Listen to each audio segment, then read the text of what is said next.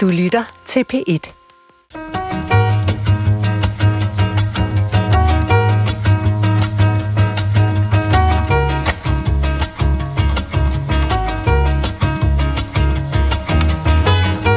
er fængselsbetjent. Jeg arbejder ikke nede i svømmehallen. Det er nøjagtigt ligesom Hans i Grete. Nøgle i nøglehul. Tabt i nøglen. Ja. Jamen, det er fint. Ved du hvad, vi kalder ned til vores kollegaer og siger, de kysser os røv farvel.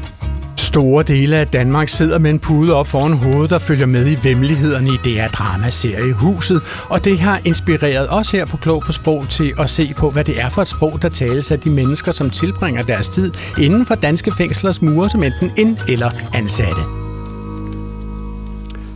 Stockholms syndrom. Jeg kender fængslets rutiner bedre end mit livs fortid. Jeg trykker instinktivt på knappen efter at have holdt for længe på min afføring. Urinerer i den håndvask, jeg onanerer i. Den håndvask, som min sæd ender i, er den samme, jeg vasker min tallerken i. Ikke længere fortrøstningsfuld som dengang i grundlovsforhøret, hvor der endnu var håb. Nu lever jeg i en konstant fortrængning. Mit liv er blevet formindsket til udelukkende at omhandle praktiske gøremål. De mennesker, jeg omgås, er vagter. Jeg griner af deres jokes nu om dagen, jeg ønsker dem en god weekend. Livet uden for murene interesserer mig mindre end burgeren hver tredje lørdag. Ja, her hørte vi den første af mine tre gæster i denne dags udgave af Klog på Sprog. Han debuterede sidste år med digtsamlingen Institutionaliseret, hvorfra vi hørte ham læse digtet Stockholms Syndrom. Velkommen til Klog på Sprog, Haidar Ansari. Jo, tak. Haidar Ansari, jeg har læst mig til, at du er født i 2001. Hvor meget af dit liv har du siddet i fængsel? En fjerdedel. Altså, jeg fyldte 16, 17, 18, 19 og 20. Så lige knap en fjerdedel. Vil du selv sige, at du har været i stand til at bruge de øh, fem et halvt år af dit liv til, til noget fornuftigt? Ja, det har jeg. Altså, selvfølgelig er der også gået glip af meget, og jeg har mistet meget af den der, hvad kan man sige, øh, øh, uskyldige ungdommelighed. Men, øh, men, men jeg har også været igennem nogle vigtige processer, øh, også altså dannelsesmæssigt. Øh, Hvad brugte du din tid til? Jamen altså, jeg fik jo læst en del bøger mod slutningen, og, og skrev jo også min egen bog, og redigerede den og udgav den faktisk, mens jeg sad inde.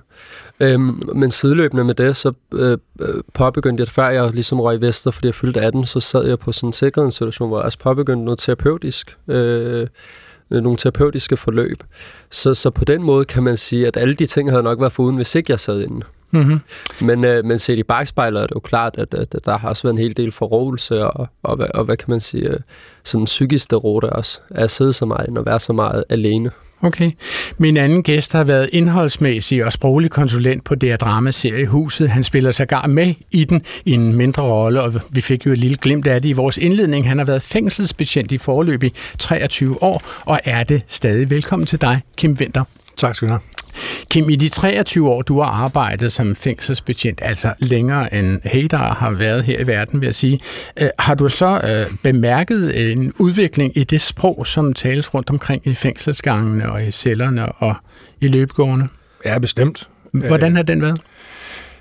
Jamen altså, den udvikler sig ligesom vores samfund udvikler sig. Øh, og øh, man bruger også meget slang i, i fængslerne, ikke? Og, og den har også udviklet sig. Og øh, nu er jeg jo sådan, man sige, 23 år i faget, så jeg er jo inde i de her de gamle dinosaurer, som man kalder dem.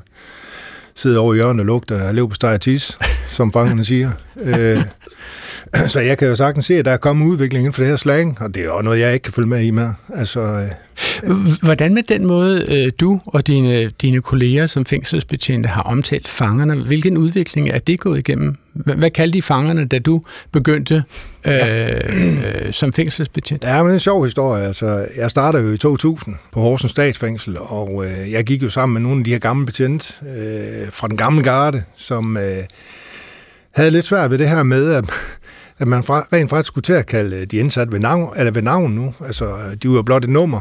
Så det var nogle gange, at øh, vi kunne høre sådan, at nu skulle 3703 til besøg. Så der var ikke noget navn, der var mere et nummer. Og det vi er gået fra nu og kalder vores indsatte ved navn. Og det synes jeg er jo en fantastisk udvikling. Ikke?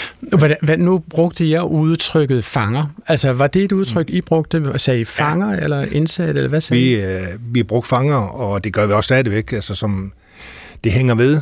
Øh, men altså, vi er oftest er det indsatte, og det kalder vi dem også altså, som regel, men en gang imellem så, ja, så bliver det fanger. Og så er det en lapsus, eller hvad? Så ja. noget, I kommer til? Det er ja. ikke noget, I vil? Nej, det er ikke... Øh, vi kalder dem indsatte. Altså indsatte. Okay. Min sidste gæst er her for at holde læseluppen hen over de sproglige pointer, som vi finder frem og pakker ud. Han er ledende redaktør ved det Danske Sprog- og Litteraturselskab. Også velkommen til dig, Lars Trappe Jensen. Mange tak. Lars, jeg ved om dig, at du øh, mig bekendt aldrig har siddet i fængsel, i hvert fald ikke nu. Øh, hvad tænker du om det sprog, som du bliver udsat for, når du sidder og ser det dramas øh, serie i huset? Jamen først og fremmest så har jeg jo antennerne ude, fordi det er et indblik i et miljø, som øh, jeg normalt ikke kender til. Øh, men altså, jeg hæfter mig jo også ved det, alt den meget øh, jargon, der er, både øh, de ansatte og de øh, indsatte indbyrdes, og også hvad de er fælles om. Og mit navn er Adrian Hughes, og du har fundet frem til stedet på P1, hvor vi øh, simpelthen laver en rensagning og en visitation af sproget og undersøger, hvilke hemmeligheder vi kan aflure det. Velkommen til Klog på Sprog. Heider, som jeg en enkelt gang kom til at kalde hater, men altså du hedder Heider. Nu hørte vi jo et enkelt af, af dine digte fra din debut, institutionaliseret, som den hedder. Og der kan jo simpelthen ikke være mange lyrikere, som har siddet fem og et halvt år i, i fængsel. Altså, jeg ved jo godt, at du har fortalt din historie mange andre steder, men du har jo ikke fortalt den her. Altså, hvordan skete det, at du nærmest i fængslet udviklede en interesse for litteratur, og også selv at bidrage til den?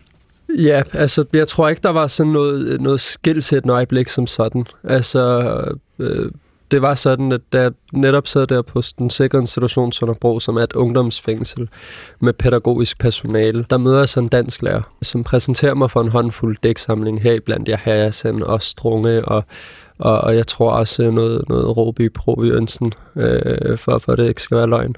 Og, øh, og, og det tror jeg kickstartede min litterære rejse. Altså jeg begyndte at, at, og, at, og læse øh, øh, uafbrudt. Altså det blev, det blev simpelthen sådan min adspredelse. Og, øh, og, og kort tid efter, der fylder jeg så 18 og skal så til Vesterfængsel. Øhm, og så så varetægtsfængsel for drabsforsøg.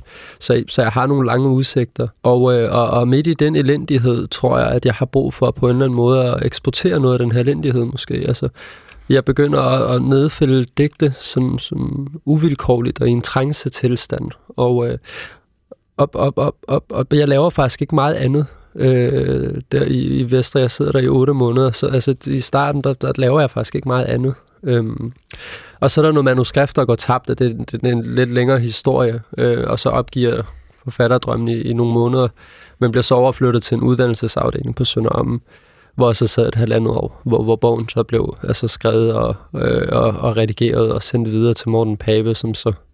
Mm, nu siger du forfatteren Morten Pape. Hvordan får du kontakt til ham? Øh, jamen, jeg tror, jeg, altså, jeg møder ham til et oplæg. Øh, han, han var ude, han, han var ude at besøge øh, den sikrede institution, hvor jeg sad der. Og, øh, og, og, og, det var ikke nogen venskabelig samtale, jeg havde med ham der. Tværtimod, der var jeg meget fortørnet over hans udlægning af planen. Ikke? Og, og set i bagspejlet har det nok handlet om, at, øh, at, at når jeg læser sådan en, en, en hvad kan man sige, en, en beretning for en forurettet, så tror jeg, at jeg bliver så faret over at blive forholdt de skader, man som, som skadevolderen har gået og udøvet. Altså han, Morten Paper har skrevet bogen Planen, ja. som handler om urbanplanen, hvor han begår sig på fuldstændig lige vilkår. Ja, og bliver udsat for alle mulige vemmelige ting. Ikke? Og, og når jeg har tænkt tilbage på min barndom, så har jeg nok været en af de der skadevolder. Ikke? Altså jeg har okay. nok været en af, en af mobberne. Og jeg tror derfor, da jeg så læste hans bog, der hedder Behov for at bare pille den ned, i sådan en øh, øh, patetisk øh, øh, frygt for, for, for, for at forholde mig til... Øh, øh, hvad kan man sige, de, de uoprettelige skader, man har sat i andre. Så, så prøvede jeg ligesom at, at, at angribe ham. Men ikke desto mindre, så, så retter jeg henvendelse til ham et halvandet år efter, øh, hvor jeg så sender ham mit manuskript uopfordret, øh, og han giver det så øh, kæmpe, øh, hvad kan man sige, øh, kado og, og, og formidler så kontakt til, til, til forlaget. Og det er det, som gør, at du så debuterer som lyriker, mens du stadigvæk er indsat? Ja. Okay. Jamen altså, tillykke med det, vil jeg sige. Altså, øh, nu skal I bare høre. Godt, vi lukker kvædet ind nu. Sådan her siger den forrådede og garvede fængselsbetjent Henrik spillet af David Densig i DR's dramaserie Huset. Men Kim Winter, har du nogensinde i dine 23 år som fængselsbetjent kaldt de indsatte for kvæg? Ej, ikke lige kvæg, men øh, jeg har da kaldt dem for mange, mange andre ting end lige kvæg. Øh, jo, det er, det er ganske normal hverdag, vi har, og, og der er også et ganske almindeligt hverdagssprog. Øh, så Ja. ja. Du var jo en smule inde på det i din indledning af programmet, altså at I på et tidspunkt, altså i begyndelsen af din karriere i fængselsvæsenet, der var I så småt i gang med at holde op med at kalde øh, fangerne for numre, og så begyndte I at kalde dem fanger, og, og nu forsøger I at bruge ordet indsatte, eller hvad? Øh, ja, eller vi forsøger ikke, vi gør det. I gør det, okay. Ja. okay. Men, hvilken, hvilken forskel synes du, det betyder, det giver, og, om du bruger ordet fange, eller bruger ordet indsat? Altså, jeg synes, øh, når man bruger ordet fange om et andet menneske, så er det jo meget nedværdig. Og mm. det har alle, der synes, mærkeligt ord, fange.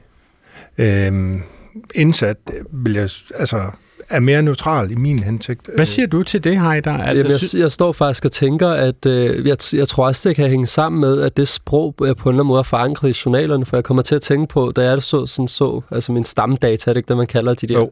Der står jo fangenummer, ikke? Jo. Og, og, og, og sælge øh, døren, altså de, de numre, der piller ned, dem kalder man jo stadig fangenumre.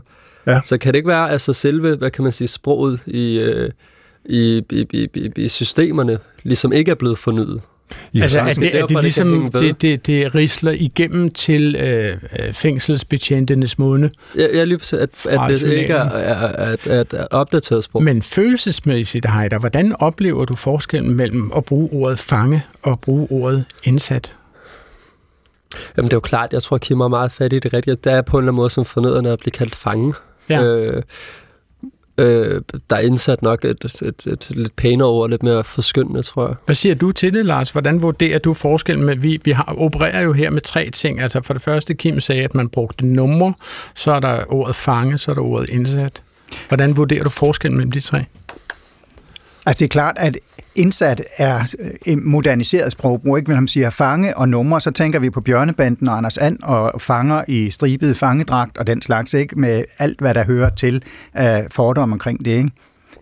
Jeg tænkte i øvrigt på det her med, med, med, med Henriks replik, altså fængselsbetjenten, at det er jo et greb, som man også gør øh, ved at, at, for at, at, at, at, at gøre opmærksom på, at der er ligesom to grupper. Der de ansatte og de indsatte, det er jo med til at cementere forskellen, ikke? når man øh, kalder nu sætter vi kvædet ind i stallen igen. Mm. Øh, eller i andre tilfælde, der snakker man om rød og blå stue. Ikke? Altså det er pædagogerne over for børnene, øh, og det er samme billede her.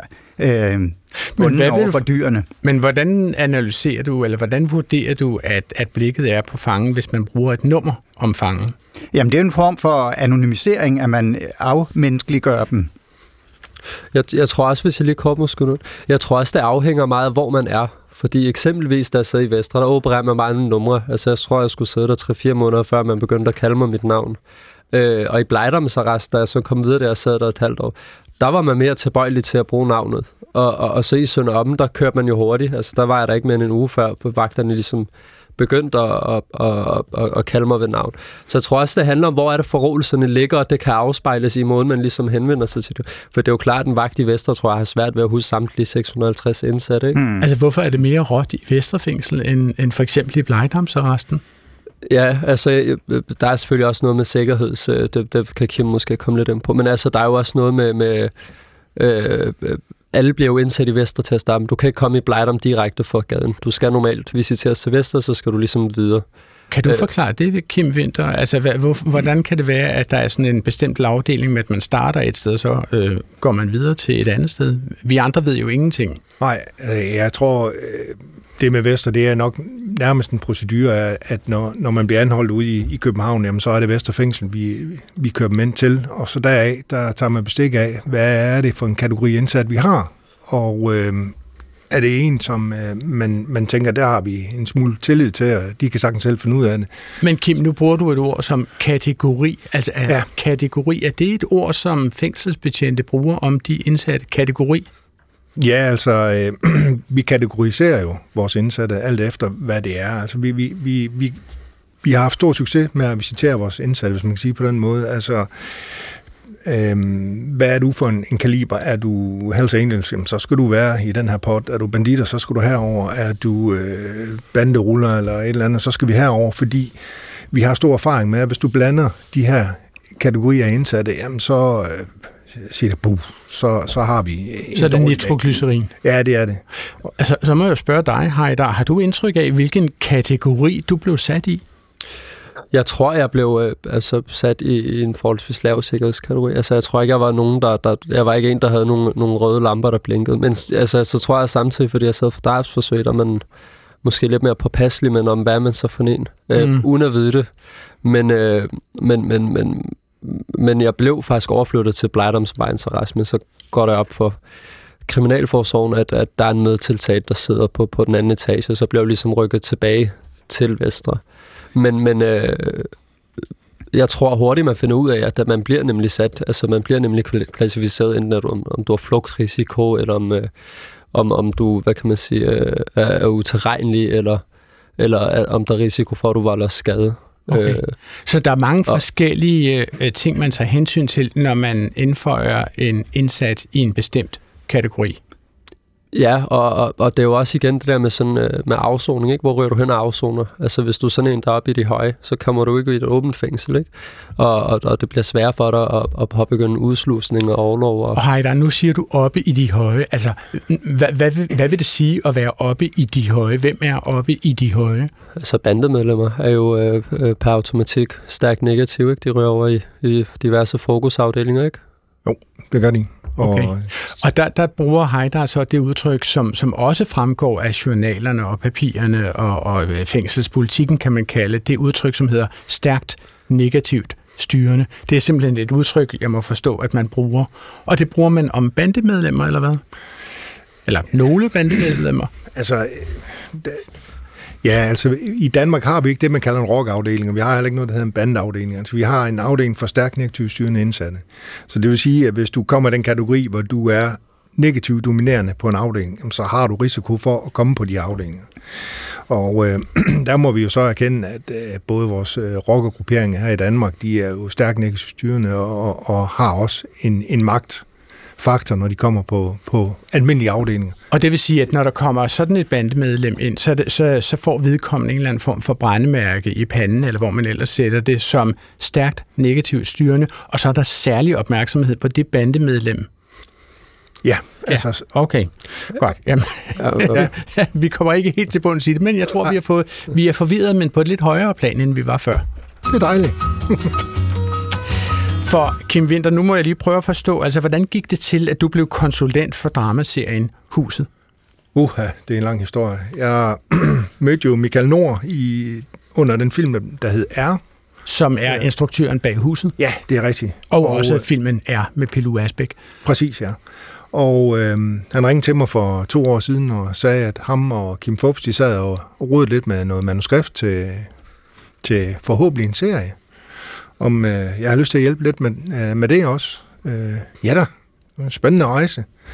Så øh, på den måde kom jeg ind og, og blev, hvad kan man sige, konsulent, hvis man kan sige sådan, det lyder så ja. fantastisk.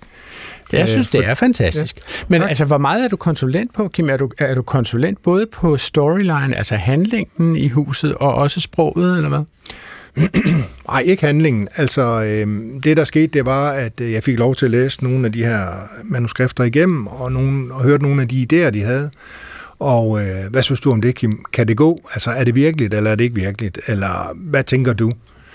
Og så kunne jeg så give mit besøg med her, og, og øh, efterfølgende fik jeg jo lov til at sidde ved siden af Michael Nord og Frederik Hvid, når det var, at de øh, lavede serien derude. Ikke? Og, og de fik dig ovenikøbet til at spille med i serien. Hvorfor ja. det? Du ikke som sådan. Altså, jeg har sådan lidt øh, en mistanke om, at øh, at Frederik og Michael, de synes, det var lidt synd for ham, Kim, at han skulle lægge så meget arbejde i det, så jeg selvfølgelig skal noget noget. Kan du give ham rolle? Kan du give ham rolle? Så lad ham spille judo. ikke? Så. Men det bringer mig jo frem til spørgsmålet, hvor realistisk er huset? Ja. Nu har du jo siddet og set øh, flere afsnit, end vi andre har haft adgang til, fordi uh, her i dag, når vi sender, sender de jo det sidste her i aften, fredag aften. Um, så du har set hele baduljen, kan man sige. Øh, hvor realistisk vil du vurdere, at huset er i forhold til, at det er det virkelige liv på, i danske fængsler? Hold nu fast. Ja. Det er underholdning. Det er drama. det skal vi lige have pointeret.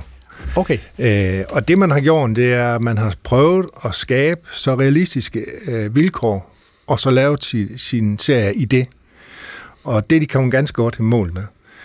Øhm, jeg har læst mange artikler om fængsbetjente og vores forbund og kriminalforsorgen derude siger, åh, oh, her det er drama, og det skal I huske, det er bare fantasi, sådan er det ikke i vores fængsler.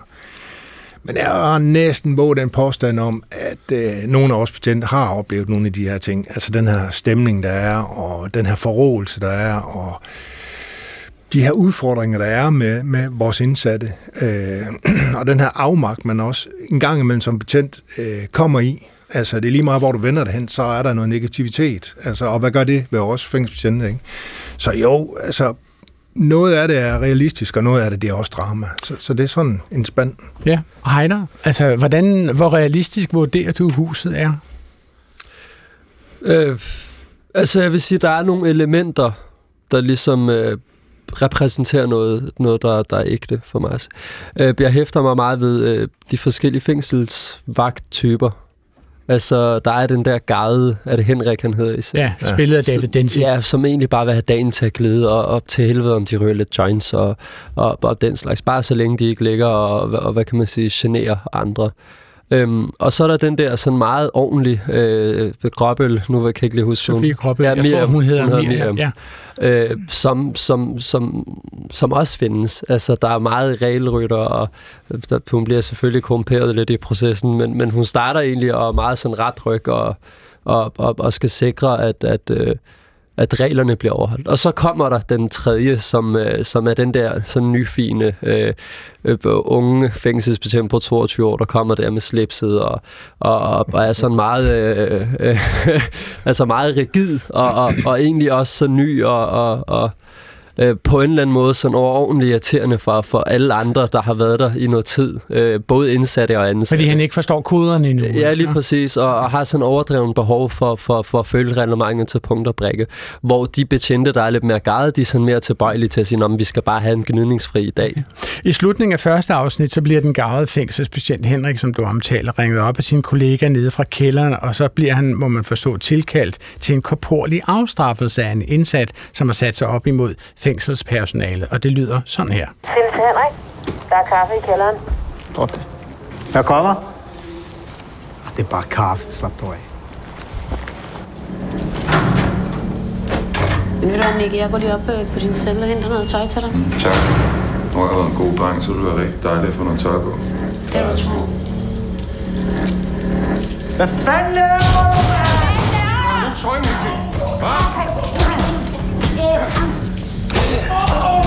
Ja, altså for dem, som ikke har set det her, fængselsbetjenten Henrik kommer ned til en fastspændt indsats, som de så begynder at tæske med politiknibler.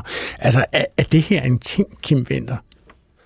Altså en ting, som vi render rundt og laver Ja, til daglig. altså, sk- sker dette som Nej. Nå, så det er en del Ganske af... simpelt. Det er, No. det er absolut bare ja. dramatik her. Ja, det er det. Og okay. det kan ikke lade sig gøre, simpelthen. Altså, hvis, hvis vi tæver en indsat med stave, ligesom de gør her i huset, jamen altså, så han skal jo en tur på sygehuset, ikke? Og, og lægen vil jo helt automatisk spørge, hvad, hvad, hvad er der sket her? Ja. Jamen, han er væltet ud i, i, i, i det ved jeg ikke. Faldet ned ja. ad en trappe, plejer Ja. man at sige. Ja. ja. Ah, Nej, det går Ikke helt, Men så, så bare så er jeg helt sikker, du har aldrig nogensinde hørt det her udtryk kaffe i kælderen. Der er kaffe i kælderen. Øh, altså, ikke på den måde, der jeg, jeg har oplevet, at øh, vi har, øh, når det bliver ringet til eksempelvis nogle- af vores kollegaer, og, og man havde, havde en, som, som man nok skulle til at bruge, altså magt til at flytte fra den ene lokalitet til den anden, for at bruge de rigtige ord, ikke? altså smide i sikring, sådan en opsen. Jamen så, så, når sådan noget det er planlagt, så vil man gerne have nogen, der har erfaring.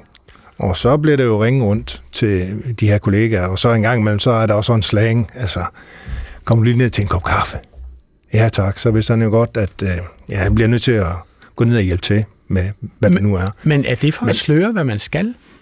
Nej, ja, det er slang. Altså, de kunne lige godt have ringet op og sagt, ved du hvad, øh, Vi skal bruge nogle hertebrede nogen her. ja, kan nogen, du, komme ned, fra. kan, du, kan du komme ned og hjælpe, Kim? Der er delen af med en, der lige er fløjet rundt over væg her. Kan du komme ned og hjælpe? Okay. I, I andet afsnit af huset, der hjælper Sofie Gråbøls karakter, fængselsbetjenten Miriam, hun hjælper en ny indsat med, hvem man taler med, og hvem man absolut ikke taler med alene, og hvordan man så gør det. Undskyld, må jeg lige spørge om noget? Du skal lige træde et skridt tilbage. Du skal ikke snakke med mig alene. Hvorfor ikke? Dengse! Bare kom. Du er ny, og de kender dig ikke. Og hvis du står og taler med en betjent, uden andre indsat kan høre dig, så kunne nogen få den tanke, at du stikker. Heider Ansari, altså hvor alvorligt et fejltrin vil du vurdere, at det er for en indsat at tale alene med en fængselsbetjent? Det er, det er jo en kæmpe fejl. Jeg, jeg tror bare lige, altså hvis vi skal tage den konkrete, så er han også ny, så jeg tror også, folk vil vide ligesom, at han, er, han kommer jo ikke fra den her verden. Men øh, nu var for eksempel... Man vil, man vil tilgive det i den konkrete situation, tænker du? Det tror jeg. Der er selvfølgelig nok også nogle brune kar, der vil forsøge at afpresse ham, når han kommer ind i det pæne tøj der. Men, øh, men, men det jeg var bare vil sige, at jeg var for eksempel øh, talsmand i, øh, i Sønder i, i, i godt og vel et års tid. Og øh, det var typisk mig, der var med til de her forhør Øh, altså når du for eksempel overtræder øh, reglementet og, og skal pålægges en slags sanktion, så skal du op i det, der hedder et forhør, og der er du ret til at få en bisider med. Og, og bisiderne er ikke for at sikre den juridiske proces, det er for at sikre, at du ikke stikker. Altså hvis eksempelvis du bliver taget med, med, med en klump hash, eller, eller øh, noget vold, eller hvad det end er, der ligesom kan, kan udløse en straf, så skal du have en anden indsat til ligesom at bekræfte, at du ikke øh, går ind og stikker nu. Altså, at du ikke har fortalt, hvor du har den klump hash fra? Ja. Ja, lige præcis. Okay. Så det, det er sådan set virkeligheden, som har fundet vej til huset, vil jeg sige. Altså den her, det her forbehold for at tale med fængselsbetjenten alene. Ja, og, og jeg vil sige, hvis du som indsat også går og snakker for meget med vagterne, så vil folk også begynde at sådan, Nå, hvad, hvad snakker I om? Og, øh, altså, hvad, hvad, hvad er jeres ærne? Ikke? Og, og, og, og på den måde kan man sige, at, at, der er en hovedregel nok, sådan, især i, i sådan nogle altså, vestre og nogle af de der hårdere miljøer, og i lukkede fængsler også, ikke? At, at der skal man på en eller anden måde holde sig på afstand, tror jeg. Og nu spørgsmål fra lytterne. Vi vender tilbage til både dramaserien Huset og virkelighedens danske fængsel, men først så napper vi et lytterspørgsmål fra Jakob, som skriver øh, fra Amager, og som har øh, set en video, hvor den tidligere rocker og nuværende forfatter og podcastvært Brian Sandberg udtaler sig om realismen i huset. Jakob har stiget sig blind på underteksterne i videoen. Han skriver til os, i en video fra Ekstrabladet på Facebook bliver synspunkt undertekstet med synespunkt endda to gange. Er det en staveform, som ses andre steder, eller er det blot en enlig svale, skriver altså Jakob fra Amager. Hvad vil du svare på det, Lars Trapp Jensen? Jeg vil sige, at jeg havde næsten håbet på, at det var mere udbredt, end det er. Jeg tror altså kun, det er øh, måske ikke en helt enlig svale, men ikke en flok i hvert fald. Men det er jo en sjov stave, en, en sjov fejl, kan man sige, ikke? fordi den giver mening, så man ligesom har tolket noget ned. Ikke? Når man har et synspunkt, så synes man, så mener man noget med det. Ikke? Så på den måde giver det jo sådan set mening, men øh, det er jo ikke det, der ligger i ordet. Så hvor kommer fejlen fra? Tror du simpelthen, det er en robotoversættelse, eller er det en, en tekster, som, som ikke staver det samme dansk, vi andre staver, eller hvad? Ja, det ved du næsten mere om, end jeg gør. Det kan jeg ikke svare på, hvordan, det, hvordan den form for teknisk, tekstning foregår. Øhm, altså begge dele er selvfølgelig muligt, men jeg tror ikke, hvis det er en robot, at den har det fra eksisterende tekstgrundlag, fordi synespunkt stadig sådan, kan man godt finde, men det er meget, meget sjældent i forhold til, til synspunkt. Men det er, jo, det er jo sjovt. Det er jo lidt ligesom, hvis man skriver følge tongue med, med G, øh, øh, øh, fordi det følger efter hinanden. Ikke? Hver gang der er noget, der vedrører du kan sende dit spørgsmål til klog på sprog øh, Klog på sprog er nu halvvejs øh, i vores gårdtur i fængslet, hvor vi med læselup undersøger det sprog, som omgiver dagligdagen for indsatte og betjente, mens vi spørger, hvad det siger om livet bag trammerne. Og i den anledning har vi ledsaget udgang med gæsterne, Haidar Ansari, tidligere indsat og digter, Kim Winter, fængselsbetjent og konsulent på DR's dramaserie Huset, og Lars Rapp Jensen, ledende redaktør for det Danske Sprog- og Litteraturselskab. Og jeres vært er i dag, som så ofte før, Adrian Hughes. Lad os kigge lidt nærmere på øh, det sprog, som de indsatte bruger med hinanden. Haidar Ansari, kan, kan du sådan på stående fod komme i tanke om nogle slangkoder, eller nogle forkortelser, eller et særligt kodesprog, som man bruger i fængslet, for eksempel for at forsøge ikke at blive forstået af fængselsbetjentene?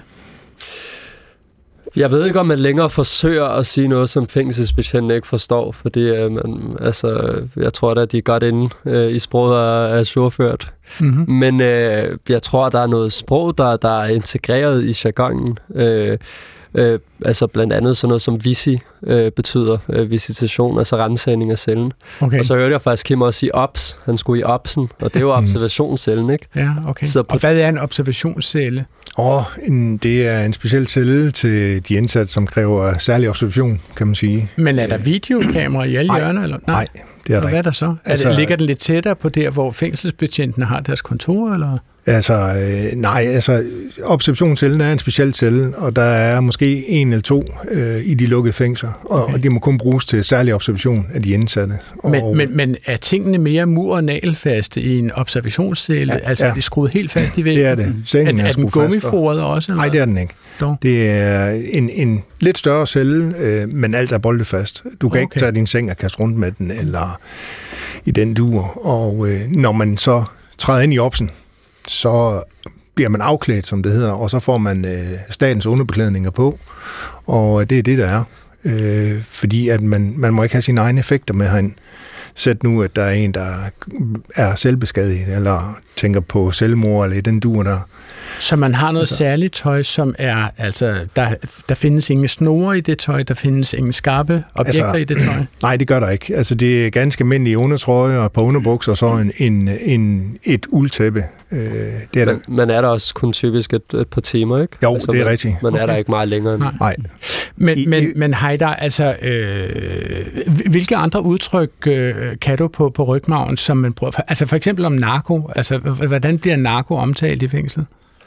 Jamen altså, jeg tror, at sproget ude fra gaden flytter med ind i fængsel. Altså, når man går der på gårdtur, og folk ligesom fører røverhistorie, så snakker man om pinden, man snakker om stænger, som, som betyder henholdsvis et kilo coke eller et kilo hash. Øhm, og så snakker man om, øh, om, om altså, shorter for eksempel, som er politiet, det er et arabisk ord for politiet. Øh, Hvad sagde du det ord? Var, var det akrash, sagde du, eller hvad? Nej, shorter. Shorter, Akkurat det er det, tyrkiske ord, ikke? Det er også det, sproget rykker sig lidt, ikke? Slangen, den, den, den, bliver, øh, den bliver mere og mere mangfoldig, tror jeg. Øh, Så du siger, at, at nu siger man shorta, som er et ja, nu, arabisk ord? nu, kan, man- altså, nu siger man sikkert også noget andet. Man kunne sige, øh, det ved jeg ikke, man kunne sige agrus, eller man kunne sige, øh, altså, der, er der findes jo mange ord for det, og, og folk, der er på gaden, forstår også, øh, hvad de forskellige ting betyder, ikke? Og nogen kan være lidt ydt, og nu har jeg været lidt væk fra, fra miljøet i nogle år, så, så mit sprog er- nok også forældet, kan man sige. Vi håber ikke, at du kommer tættere på det igen. Men altså, men, men, men en pind for eksempel, Heider, er helt dumt, så troede jeg, at en pind bare var en joint. Nej, nej, nej, det er lidt mere end det. Øh, mange, mange joints. Det er kilo hash, ikke? Det er simpelthen en kilo hash. Øhm, og, og det er jo også i, i forhold til det med fængsler, det er jo på også måde, en eller anden måde at sådan signalere, når det er her, jeg er. Altså, Øh, for eksempel, hvis du kører på de der krypterede telefoner, har du en Engro, altså, øh, som, som er sådan en særlig krypteret telefon, hvor man har forsejlet kameraet og, og mikrofonen og sådan noget, og, og kører på sit helt eget, hvad kan man sige, sådan operatørtjeneste. Øhm, det, er jo, det er jo på en eller anden måde for de indsatte også til sådan signalere, om jeg er heroppe. Det, det er sådan, du ved, men Kim Winter, når, når, når Heider Ansari siger det her, så bruger han jo nogle ord, og så spekulerer jeg jo selvfølgelig på, altså hvor meget har I fængselsbetjente samlet dem op? Altså ved I godt, at øh, en visi er en visitation, eller en stang af et kilo kokain, eller en pind af et kilo hash? Ja, det, det, det, det tænker jeg, at vi gør. Altså, så det er ikke nu, et hemmeligt sprog? Nej, nu står jeg her og bliver oplyst af Heider, ikke? fordi jeg aner ikke, hvad fanden det hed det der. Og, altså, øh, jeg er så håbløs bagud i alt det her. Øh, så, men jeg har da kollegaer, som er knivskarp, så selvfølgelig ved de da også det. Men har du generelt en fornemmelse af, hvad det er, de indsatte taler om, når de taler med hinanden? Ja, altså øh, 99 procent af al snak, det er jo om vind og vejr og fodbold, og hvordan går det derhjemme, og et cetera, et cetera. Og så en gang imellem, så, når der skal handles, eller der skal byttes, eller der skal noget, ikke, så, øh, jamen, så bruger man noget andet øh, ord. Øh, og, og det har jeg da også en idé om, hvad det er, de snakker om, ikke? Og så tænker jeg da også, okay, skal vi lige spænde hjelmen, Kim? Her er andet, de er. Nu, nu fortalte Heider jo om, om det her med arabisk, for eksempel ordet shorta, som er arabisk. Altså man kan i hvert fald sige, enten ved de øh, eller ved andre, arabisk har også fundet vej til øh, huset. Vi kan lige prøve at høre, hvordan det bliver bearbejdet her. Galeb, sig lige hej til Sami, ny betjent. Kom nu, hvad er det fint? Velkommen til, Sami. Ja! ja. Det er det fedt. Hvad sagde han? Det ved jeg ikke, jeg snakker ikke arabisk. Du taler ikke? Nå, okay. Hvorfor har man ikke lært dig sit modersmål? Nej. Jamen, jeg kan godt sige lidt arabisk, altså. Jeg kan godt lære dig nogle ord, som er rigtig gode at kunne herinde. For eksempel akrash eller shorta, det betyder betjent. Så når de siger det, så ved du, at de snakker om dig. Para og flus, det betyder penge. Øh, og hvad gis eller kis, det er enten pige eller tissekone. Det er jeg sgu ikke helt fundet af. Og det er nærmest alt, hvad de snakker om. Heider Ansari, altså hvor meget arabisk bliver der talt i fængslerne? Øh, det er forskelligt. Jeg tror, det varierer lidt, men man kan sige sådan... Øh, øh, overvejende meget af slang er jo, er jo influeret af arabisk, øh, somalisk, tyrkisk, kurdisk, øh, pakistansk. Altså, øh, der er jo alle de der sådan, bestemte ord, som, som kan man sige, bliver brugt. Men, øh, men, men, men, men det er ikke så tit, altså, at en, en hel dialog foregår på arabisk. Mm-hmm. Øhm, det er sket før, jeg altså, kommer til at tænke på, da jeg sad i Blejdom for eksempel, der sad med sådan lidt ældre iraker, øh, der havde siddet lang tid, og og, og, og, ham snakkede arabisk, man var sådan lidt godfaragtig figur, følte jeg. altså ham talte jeg meget arabisk med, ikke? Men, men, For det var det sprog, han følte sig tryg i, eller hvad? Ja, og så tror jeg faktisk også, det, det er noget, jeg tit har stusset over det her. Jeg tror også, det hænger sammen med, hvor man er, fordi... Øh, for eksempel i København, der snakker ingen arabisk med hinanden, men tager du for eksempel til Aarhus eller nogle af de jyske provinsbyer, hvor der er ghettoer, så snakker de arabisk til hinanden. Og det er sådan, jeg har altid stus over men jeg tror også, det hænger sammen med i København. Der er så, der er så mange lande blandet sammen, at, øh, at det er ikke sådan, at araberne, øh, hvad kan man sige, holder sammen. Altså der er man sammen med pakistanere, og man er sammen med Hvor for eksempel i Aarhus, i, i Gellerup, som jeg tror er en af de største koncentrationer af palæstinenser i Europa, øh, der, der taler man kun arabisk. Og det kan jeg faktisk huske, da jeg kom i Sonom fængsel, og, og, og, og havde en, øh, altså vi var mildt Som ligger midt i Jylland i nærheden af Bilund eller sådan noget. Ja, ja. ja. Og, og der stusser jeg bare over, mange af de der sådan araber for, for Jylland især, de taler arabisk med hinanden. Kan det have noget også at gøre med, hvordan personalet er sammensat? Altså om der blandt personalet er arabisktalende? For det giver jo god mening, at man som indsat har hvad skal man sige, et sprog, som de andre ikke øh, kan følge med i? Nej, for det tror jeg ikke. For, altså, jeg kan huske, at, at, at det var altså, det, det, typisk, når man også bare sad ud nu sådan om et åbent fængsel, så der sidder man tit øh, i skoven i en eller anden bænk også, og sidder og ryger joints, så meget, men ude i friheden, ikke? der sidder man sådan en gruppe, og, og, og, og der sidder folk jo og taler med hinanden i, i al fortrolighed. Øh, og, øh, og, og, og det gør man også derude. Altså, når jeg nogle gange er på besøg i diverse steder, og, og, og ser nogle af de her grupper, så snakker de arabisk med hinanden. Okay. Ja. Og altså, det gør man jo bare ikke i København. Kim, Kim, hvor meget bliver du hægtet af på en skala, hvis der sidder nogle indsatte og taler arabisk foran dig? For en skala af 0 til 5, så er vi nede på minus 13, tror jeg. Det er helt altså, lost. Kan, altså, du, kan du noget arabisk? Så er I slet ikke. Som I slet ikke? Nej, har du det forsøgt? er ærgerligt. ærgerligt. Ja, øh, jeg fik engang en kursus i øh, at lære at tale arabisk, faktisk to kurser. Øh, men øh, det hang bare ikke lige helt ved. Øh. Men man kan sige, så det har faktisk været et indsatsområde for dig. Ja. Altså, du har syntes, at det var vigtigt at forsøge at lære noget arabisk. For Bestemt. Okay. Jeg synes at det er... Øh, altså, sprog er fantastisk, og det er jo ret rart at vide, hvad vores indsatte siger, hvis det er, at de kommer fra Ægypten, Irak eller okay. noget i den art. Ikke? Hvis vi så går over til det sprog, som I som fængselsbetjente bruger, så du har jo udgivet, eller du har sendt øh, holdet bag huset en lille bibel af alt det, du øh, ved om, om fængselsliv. Ikke? Og du skriver jo i den bibel om fængselsforhold, øh, at øh, jeres eget sprog, fængselsbetjentenes sprog, kan få den værste havnearbejder til at ligne en spejderdreng på vej ned ad himmelbjerget. Ret sjovt sagt, Kim. Virkelig sjovt faktisk. Ja. Kan du eksempler på, hvad det er for nogle ting, som, som, som fængselsbetjente siger i sådan en sammenhæng? Jamen altså, det, det, altså galgenhumor, den florerer jo fantastisk i dansk fængsel. Ikke? I hvert fald øh, de arbejdspladser, jeg har haft. Og øh, der kan man jo godt sidde ude ved køkkenbordet, øh, ude i pauserum, der, og, og, og virkelig fyre det her galgenhumor af. Ja. Øh, ordet snotskovl er jeg jo meget glad med. snotskovl? Ja, øh, eller ja, vedkommende, han skulle bare have en røv fuld af pelses, øh, lave sådan til en lampeskærm, øh, og sådan ting, og, og, og ja, det er den her galgenhumor, der er. Men når, altså, det, det lyder jo næsten som værkstedsprog. Ja, præcis. Altså, vi er da ikke en hak bedre end uh, Gerts uh, autoforretning nede på Nørrebro. Hvad siger Lars? Ja, jeg, jeg kom i tanke om en episode der fra huset, som uh, er, hvor, hvor Henrik er hjemme, der hvor han bor, og så, siger, og så på et eller andet tidspunkt, så siger han til sønnen, at den fæset ind. Og så bliver han i rettesat af, af konen, som siger, du er altså ikke på arbejde. Ja. og, og i sig selv er det der udtryk jo ikke noget sådan særligt groft udtryk, synes vi. Men som ser bliver man vendet til at sige, der er altså en kode, når man er hjemme, der er en anden, når man er på arbejde, og når man er på arbejde, så kan man altså godt tale hårdt.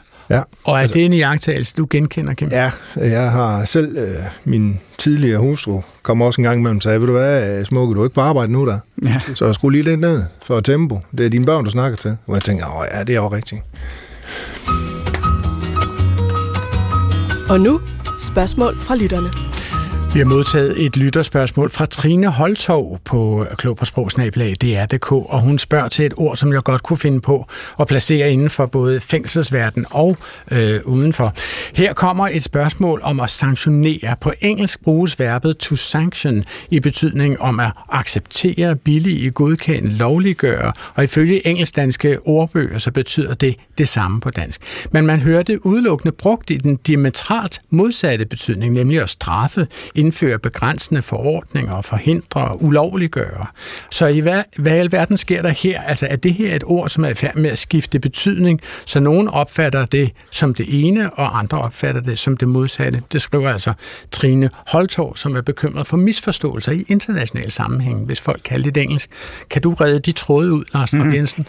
Jeg kan prøve. Det kommer fra det juridiske sprog. Sanktion betød oprindeligt et sådan formelt dekret, øh, og det blev især brugt om øh, kirkelige dekreter. Man kan måske næsten høre det, at det er det latinske ord for hellig, der ligger til grund. Sanctus, sanctus. sanctus som ja. i Sankt Peter, eller ja. øh, Spiritus Sanctus, det helligånden. ja. Så det betyder altså noget med at ophøje til noget helligt, og det ophøjet, eller i hvert fald formelle, er der nok øh, stadigvæk. Øh, men udviklingen er så gået fra at være brugt om noget kirkeligt, at det så bliver brugt øh, mere generelt, Altså, så får det en generel betydning af tillade, ratificere, og så i senere tid, altså, og, men altså stadigvæk omkring 1900 eller sådan noget, får vi så det der, at man jo også kan gøre noget øh, ubehageligt, en straf øh, tilladt. Så begge betydninger findes sådan set, og både mm. på dansk og på engelsk, og har gjort det i meget lang tid. Så det er ikke, jeg vil ikke kalde det et pendulord, okay. men det er nok rigtigt, at den strafbetydning vinder frem. Heider, hvordan opfatter du ordet sanktion? Øh, jamen, jeg forbinder sanktion med øh, ja, altså straf. Ja. Okay. Og det er sådan, Både det bruges i internationale sammenhæng, også i fængslet. Ja. Altså, så sanktionerer vi Rusland, så sanktionerer vi mm. Iran, så sanktionerer vi Nordkorea, eller hvem ellers. Øh, vi elsker jo at gå og sanktionere alle andre, der ikke er enige med os. Øh, skal nok lade med at blive for politisk. Men, men altså, det er jo det samme i fængslet. Der sanktionerer du også. Men der er du kan sende dit spørgsmål til klog på sprog Jeg kunne godt tænke mig at zoome ind på disse her hierarkier, som er i fængslet. Øh, I allerførst kunne jeg godt lige tænke mig at høre selve ordet hierarki, Lars Rapp Jensen. Hvor kommer det ord fra? Det kommer fra græsk. Hieros, det betyder hellig, og arkos, det betyder sådan noget med styre, herredømme, så altså egentlig øh, præstevælde, om jeg så må sige. Ikke? Men øh, så er det blevet brugt om rangfølgen inden for kirkelige systemer, og så siden er det udbredt til at også gælde alle mulige andre systemer. Okay. Og, og som, som menig ser, når du sidder og ser huset, Lars, du har jo set så meget af mm. som ligger ude lige akkurat i talende stund. Øh, hvordan opfatter du så det hierarki, du ser i fængslerne, i forhold til, hvordan hierarkiet fungerer uden for fængslerne? Øh, meget anderledes vil jeg sige. Om, øh, vi har jo hørt noget af det med de her bande øh, folk, som sidder øverst, og det er vist også øh, fysisk øverst i bygningen. Ikke? Og nederst er det, de kalder for skraldespanden, som så er de svage fanger, og som de siger, dem, der prøver at holde sig stoffri, de er altså nederst i hierarkiet. Så der er jo et, et, der er vendt op og ned på det, og det kan man jo også se, hvad det er, der giver prestige, er jo ikke det samme i fængsel, som det er øh, udenfor, altså nærmest omvendt. Så, så hvad er det, der giver prestige i fængslet ifølge det, du ser? Jamen, det er jo dem, der er kriminelle, når de kommer, pumper jern og er øverst, øh, kan også fysisk tryne de andre fanger. Altså, som er voldsparat? Ja, Okay, ja. det giver status. Pa- er, er det det billede, som huset fremviser, passer det nogenlunde med virkeligheden, Heider? Altså jeg vil sige, det med altså det fysiske hierarki, der kan man sige, bandemedlemmer i Vestre i hvert fald, de er jo øverst, ikke? Mm. Øh, det er ikke, de svage er ikke nederst. Øh, det er bare de almindelige fællesskabsafdelinger. Mm. Men, øh, men altså, det er jo, det er jo, det er jo klart, at, at, at sådan noget som stikker øh, og junkier, altså, altså informanter, eller, eller stofmisbrugere. Det er, jo, det er jo typisk dem, der nederst. Og så sædelighedsforbrydere, så har du forgrebet dig mod børn eller, eller kvinder øh, eller overfaldet kvinder, eller hvad, altså al, alle den slags, øh, hvad kan man sige, øh, altså personfarlig kriminalitet mod nogen, som, som øh, på en eller anden måde er værveløse, dem, dem billiger man ikke svært imod. Altså det, der sanktionerer man dem, kan man sige, på, på, på forskellige måder. Så der ligger en eller anden form, moralsk, form for moralsk stillingtagen i det her. Altså hvis man overfalder folk, som er svagere end en selv, så får man lavstatus. Ikke, ikke, ikke sværere end en selv, men altså øh, hvis du eksempelvis øh, altså slår kvinder, øh, kvinder og, og børn, øh, det, det, altså det, det bifalder man ikke. Okay. Men og, er der fuld og hvordan, hvordan, det? hvad siger er jeg, der? Jeg spørger, er der fuld åbenhed om Ja, det? ja, Ved alle fanger, hvad de andre sidder indenfor? Ja, men altså, der går ikke længe før folk vil se dit anklagerskrift, ikke? Øh, og det kunne jeg forestille mig navnlig sådan noget lukket fængsler, der er nok øh, mere, mere rødt miljø, men også i Vester. Altså, du kan godt se, hvis der er nogen, der går og holder sig lidt sådan for sig selv, og, og har en eller anden sådan mærkværdig forklaring på, hvorfor de sidder der, så, mm-hmm. så begynder man hurtigt at, at, at, at, at sætte nogle prikker sammen, ikke? Ja. Øhm, og, og så følger folk også med i tekst-tv døgnet rundt, ikke? Og hvis der lige er noget, der, der ligesom på en eller anden måde øh, understøtter, øh, hvad kan man sige, mistanken, Øh, Og, og hvad sker der så med de fanger, som får absolut lavstatus? Altså, øh, bliver de udgrænset på nogen måde, Jamen, jeg eller tror bliver der sanktioneret fra de andre Jeg tror også, fængselsbetjente er gode til hurtigt at finde ud af, når du er i risiko, så hurtigt fortælle dem, at øh, når du skal nok i, fri, i frivillig, ikke? Det er så frivillig isolation. Øhm, og, og, og, og, og altså forsøge at forebygge øh, vold, men altså det sker jo, det sker jo, øh, det sker jo i ny og næ, hvor folk mm. så, så får på munden, ikke? Og Heider, så sagde du lige før tidligere i udsendelsen, at du havde fået rollen som talsmand øh, for øh, dine medfanger. Øh, Du kan jo per definition ikke have været særlig gammel. Altså, hvor gammel var du, da du blev valgt til at være talsmand for dine medfanger? Og 19. 19? Ja. simpelthen. Hvordan i alverden kom det i stand? Ja, altså... Lidt øh, tilfældighed, kan man sige. Øhm, der var en, øh, en medfang, der hang sig selv der i Sønderholm. Og, øh, og, og det var så tredje gang, jeg inden for et år, tror jeg, har haft nogen, jeg havde siddet inde med, der havde hængt sig selv. Og, øh, og det tror jeg, jeg blev meget fortørnet over. Øh, og jeg sad på en uddannelsesafdeling, så havde jeg ikke til en computer. Og så satte jeg mig ned og skrev sådan en længere klagebrev. Øhm, og, og, og, og, og, og gik så til personalet med det og sagde, prøv at høre, I bliver nødt, fordi jeg begyndte at researche lidt og fandt ud af, at vi faktisk i Danmark ligger ret højt i selvmordsrate per indsat. Og det giver jo ret god mening, når man ser, hvilke, hvilke vilkår folk sidder i Vestre og, og, og, og bare generelt de arresterne. Altså besøgs- og brevskontrol, som man kalder BRB i fængsel, og, og meget, meget ensomhed, og, og, og, og, og altså på mange måder kan man sige, er, er stribet for enhver øh, øh, menneskelig kontakt med andre, ikke? Og, øh, og, og det skrev jeg så det her klagebrev over, og, og det fik øh, nogle af de indsatte så, så øjnene op for at "Nå, men skal du ikke øh, til, fordi Kim Præst, som jeg sad med, der læste teologi, han, øh, han blev løsladt, og så kom jeg til. Okay. Øhm, og så blev, Blev, så blev, du valgt til at være... øh, Ja, der er en demokratisk proces, Okay. men jeg vil sige, at den er nok mest sådan en formel karakter. Men, men, men, men der er en, øh, der, der er en øh, proces, hvor en fængselsbetjent skal ind, og så... så øh, Men så men så har vi så den 19-årige Haydar Ansari, som er talsmand for de øvrige øh, indsatte og sig selv selvfølgelig. Altså, hvilken status gav det dig? Altså, hvor kom du så til at ligge i det hierarki, som vi taler om i fængslet? jeg, jeg ved ikke sådan, hvilken status det giver, men det er jo klart, at det er mig, der, der hvad kan man sige, skal advokere for folk. Øh, og når folk er i isolation, så er den eneste, der kan besøge dem. Så typisk var der også sådan noget med, hvis der er nogen i isolation, der gik og kede sig lidt, så bad de om at snakke med mig. Ikke?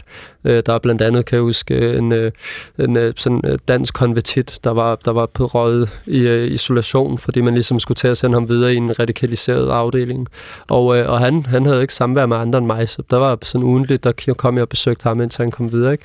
Men, altså, men, det, men det er jo klart, at det, det, det, det, det, det giver mig jo noget, noget, hvad kan man sige, noget... Øh, noget, noget, noget, noget status, at jeg ligesom kan gå ind, og, og, og, og det er mig, der til møderne, og det er mig, der laver øh, mødereferaterne, og det er mig, der skal øh, viderebringe og overlevere beskeder for personalet. Okay.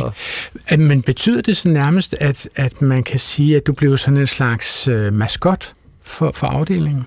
Jeg tror mere, jeg blev en slags forsvarsadvokat på, på en eller anden måde. Altså, Okay. Men, men det, er jo, det, altså, det er jo klart, altså, jeg fik ikke noget indført. Jo. Det, er jo, det er også det, jeg tror, det er vigtigt at få med i samme opbæring. Altså, det, det, det, har jo mere formel karakter, talsmand mm. i dag. Jeg kunne forestille mig, at det, dengang du startede, Kim, der havde man nok mere indflydelse som fange.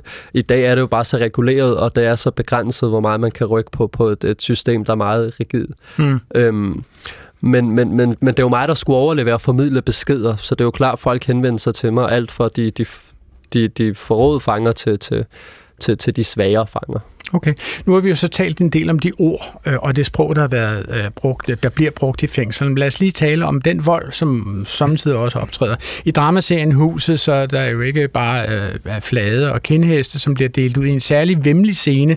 Øh, I andet afsnit, så bliver en indsat bundet fast med maven nedad mod en tæt kogeplade. En meget grim scene. Sofie Kroppels karakter, Miriam, opdager det, og det lyder sådan her. Der er gang i et eller andet.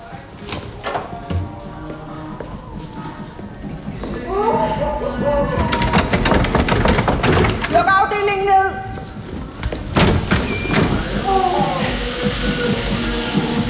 Ja, ham er Jeg er her, jeg er hos dig. Ja, du kommer fri nu.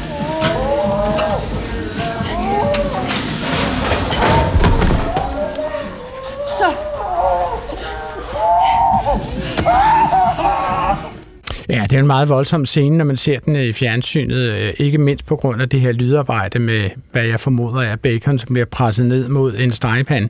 Altså, har, I, har du nogensinde, Kim, oplevet noget så voldsomt som det her i fængslet?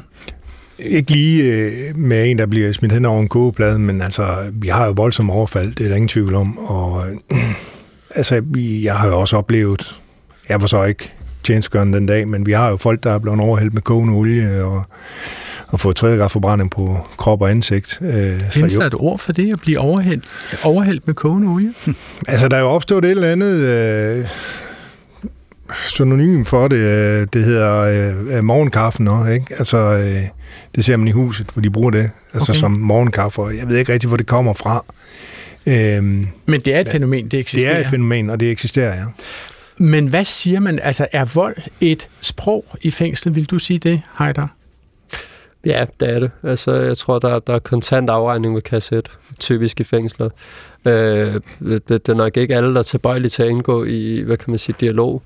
Øh, men jeg synes også, de indsatte er blevet, blevet klogere og blevet mere, øh, hvad kan man sige, konsekvensberegnende. Altså blandt andet øh, LTF der, som, som, som havde de der episoder... hvor de Loyal to familiar, som- ja, som, som, som havde de der episoder, hvor de overfaldt betjente gjorde det næsten ud fra en idé om, at nu gik de til kamp mod, mod systemet. Ikke? Men, øh, men altså min erfaring er, at, øh, at indsatte også forstår sådan, Nå, men det, det, det, det, det er nok ikke det værd. Øhm, også fordi man har jo skruet, skruet øh, øh, disciplinær, disciplinærstraffene så højt op, at vold, øh, så tror jeg, det giver minimum 14 dage nu, eller, eller mere efter de nye skærpelser. Så, så jeg tror 14 også, at man, dage hvad i isolation? isolation ja, i Okay, strafsættel. ja. Og, øh, og, og der tror jeg, at de indsatte er begyndt at være sådan mere kalkuleret og, og, og konsekvensberegnende. Nu spørger Øh, jeg helt dumt. Altså, hvis man udøver vold mod tjenestemand i funktion, som jeg går ud fra, det er at øh, udøve vold mod en fængselsbetjent. Altså bliver det ikke et helt nyt forhold, som man principielt set bliver sigtet og Jo, jo, jo. En, en ting er det strafferetslige, men en anden ting er, øh, altså jævnfør straffuldbyrdelsesloven, der følger også en sanktion med. Okay. Og derudover så får man et ret utåligt ophold det næste, i hvert fald år minimum, tror jeg. Altså der er fængselsbetjente også gode til at dække ind over hinanden og ligesom vise, at begynder du at slå på os, så, så kommer du til at fortryde det. Okay. Og det forstår de indsatte, så jeg tror, hvis der, for, hvis der forekommer vold, så tror jeg, det er mere i et effektudbrud. Men, men altså, øh, når der er så store sanktioner mod folk, som udøver vold mod fængselsbetjentene, så må de jo gøre det med, havde nær sagt, en god grund. Altså, gi- gi- nu spørger jeg helt dumt, giver det status at udøve vold mod en fængselsbetjent? Hvad tror du om det, Kim? Det er jeg overbevist om, det gør. I nogen henseende. Altså, jeg ved, der er, der er nogle af de her internationale motorcykelklubber, der kører rundt med små øh, mærker på deres veste, hvor der netop kan få et mærke, hvis du har udøvet øh, vold mod tjenestemand i funktion. Ikke? Øh, så jo, det må da give noget status, og det må det også gøre inden for, for i fængslerne. Der, der er der ganske overbevist om, at overfaldet du en betjent, og, og, og så en til lirkassemand, jamen så må det give noget, noget overvejende status. Det sidste, jeg godt lige kunne tænke mig at nå at berøre her, det er sådan set en pointe, som ikke er decideret sproglig, men det er jo et forhold, som der begynder at være en smule politisk bevågenhed om. Måske fordi du har gjort opmærksom på det i forskellige sammenhænge, Heider. Altså nu, i din nuværende situation, du er ude af fængslet, øh, er du fuldstændig fri, fri af, af dine tidligere skyldpådragende forhold, og, og kan du lægge dine afsoninger bag dig som et, et ærgerligt kapitel af dit liv, som er slut nu, Heider? Øh, Nej, det kan jeg ikke. Altså, jeg er blevet øh, stavnsbundet for bestandigt. Hvordan det? Jamen, øh, det er jo sådan, at de, i Danmark, der skal de indsatte, eller øh, de domfældte, de skal afholde sagens omkostninger. Og typisk så bliver det nogle øh, massive beløb. Øhm, personligt så skylder jeg i dag 600.000.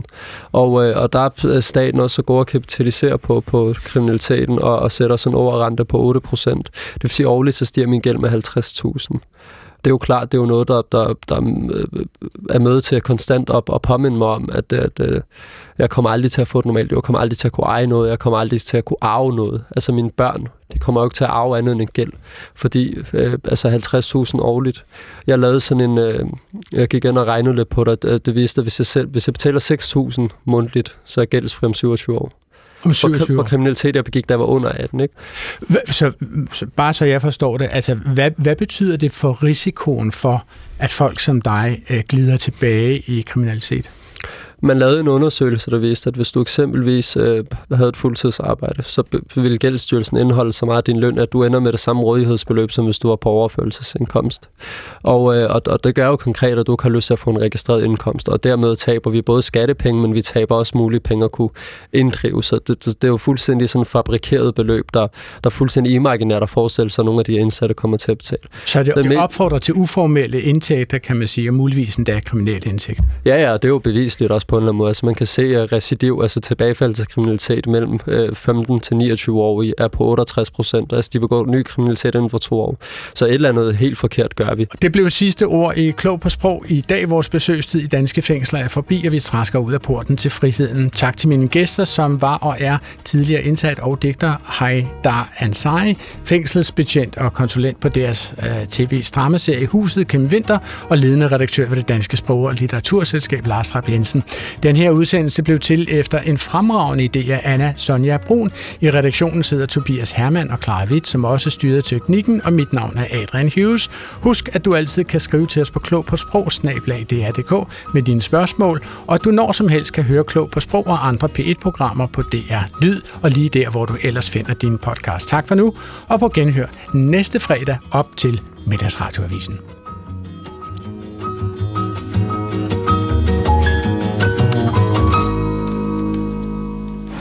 Godt, vi lukker kvædet ind nu. Gå på opdagelse i alle DR's podcast og radioprogrammer. I appen DR Lyd.